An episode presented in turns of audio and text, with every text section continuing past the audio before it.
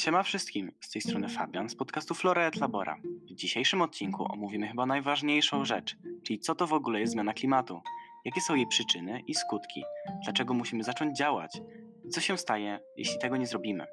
Patrycja z Alą odpowiedzą Wam na te pytania, jak i zarówno opowiedzą o wielu innych czynnikach zmian klimatu. Więc w takim razie, gdy już wiecie o czym będzie odcinek, to oddaję głos Ali i Patrycji. Okej, okay. To ja zacznę od wyjaśnienia, co to jest efekt cieplarniany. Słuchajcie, Ziemia otrzymuje energię od Słońca, sama zaś wypromieniowuje ją w kosmos. W stabilnym stanie klimatycznym ilość energii pochłanianej i emitowanej przez planetę no, muszą się równoważyć. Tymczasem w ostatnich dekadach mierzymy za pomocą satelitów, że z Ziemi w przestrzeń kosmiczną ucieka coraz mniej promieniowania.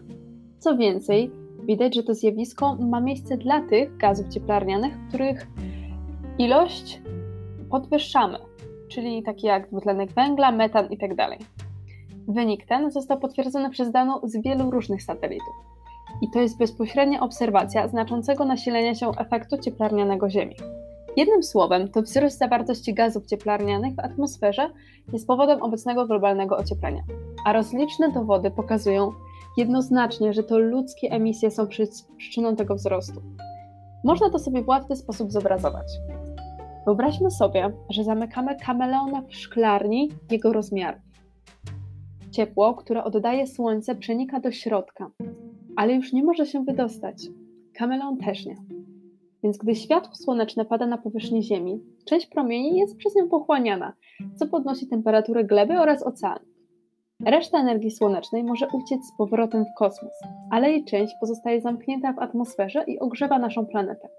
Nazywa się to efektem cieplarnianym, gdyż atmosfera zachowuje się w tym wypadku jak szkło w szklarni, zatrzymując ciepło, które znajduje się wewnątrz. No dobra, jeśli już wiecie, z czego bierze się ocieplenie klimatu, to chciałabym Wam powiedzieć, co się stanie, jak średnia temperatura powietrza wzrośnie aż o 2 stopnie. Pierwszym skutkiem na pewno byłoby mniejszy dostęp do wody pitnej. No dobra, może i przybędzie wody w miejscach na dużej wysokości, ale na przykład w Indiach albo w Afryce Zachodniej zasoby i tak już małej ilości wody zmniejszą się o jedną trzecią. Niedobór wody na pewno odbije się również na hodowli roślin i zwierząt. A co do roślin, jeśli na rejonach, gdzie uprawia się kukurydzę albo pszenicę, zabraknie wody, to nie będziemy mogli już jej hodować. To jest straszne. Drugim skutkiem jest to, że świerki przestaną rosnąć na rejonach Polski. Bo na przykład średnia temperatura powietrza wynosi w Polsce 7 stopni Celsjusza. Natomiast świerki rosną najczęściej poniżej tej, tem tej temperatury. W cieplejszych miejscach nie rosną. Dlatego jeśli w Polsce naprawdę wzrośnie temperatura, to stracimy drugie, najważniejsze drzewo potrzebne w gospodarce. Drugim skutkiem jest na pewno wzrost poziomów oceanów o 50 cm. Taki wzrost poziomu morza przyczyni się do tego, że w obrębie samych Stanów Zjednoczonych swoje miejsce zamieszkania będzie musiało zmienić 13 milionów osób. No, a pamiętacie przecież, że sama Europa nie mogła sobie poradzić z falą osób uciekających z regionów objętych wojną. Żadne miasto nie będzie na tyle ludzi przygotowane, a powiedzieliśmy tu tylko o USA. Trzecim skutkiem są zmiany dotyczące morskiego ekosystemu.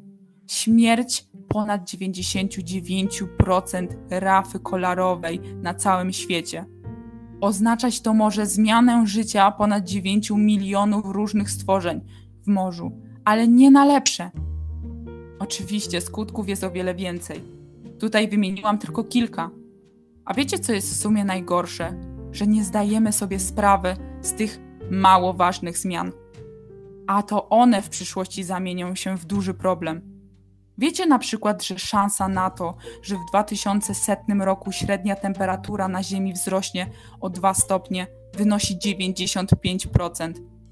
To jest przerażające. I to będzie za 80 lat. No ale okej, okay. wiemy to. I w sumie nic z tym dalej nie zrobimy. Wiecie, że jest jeden pomysł, a jego podstawą jest zmiana siebie. Bo kiedy zaczniemy żyć ekologicznie, to zmienimy swoje otoczenie, a ono zmieni naszych znajomych. I coraz więcej ludzi zacznie żyć ekologicznie, nie niszcząc przy tym naszej planety. To nie jest takie trudne. Zamiast na przykład kupować jedzenie szkodzące środowisku, kupuj takie, które jest ekologiczne dla środowiska. Na przykład jest wiele zamienników dla aut, a przy tym zużyciu paliwa. Może coś akurat będzie w sam raz dla ciebie. Chociaż nie jestem specem, to wiem, że dla wielu rzeczy w dzisiejszych czasach znajdzie się jakiś zamiennik. Trzeba tylko poszukać.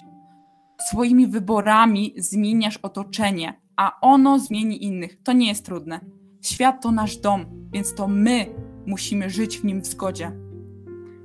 To po tym, jak już wiecie, jakie są odpowiedzi na te pytania, zachęcamy Was do zastanowienia się nad nimi. Jak też zdążyliście zauważyć, ocieplenie klimatu to naprawdę poważny problem, który dotyczy nas wszystkich. I nieważne kim jesteśmy, na każdego działa tak samo. Dlatego zachęcamy do działania. A jeżeli spodobał Wam się dzisiejszy podcast, to prosimy o udostępnienie go, by więcej osób dowiedziało się, co można zrobić dla naszej planety. Zapraszamy Was również na naszego Instagrama i Twittera.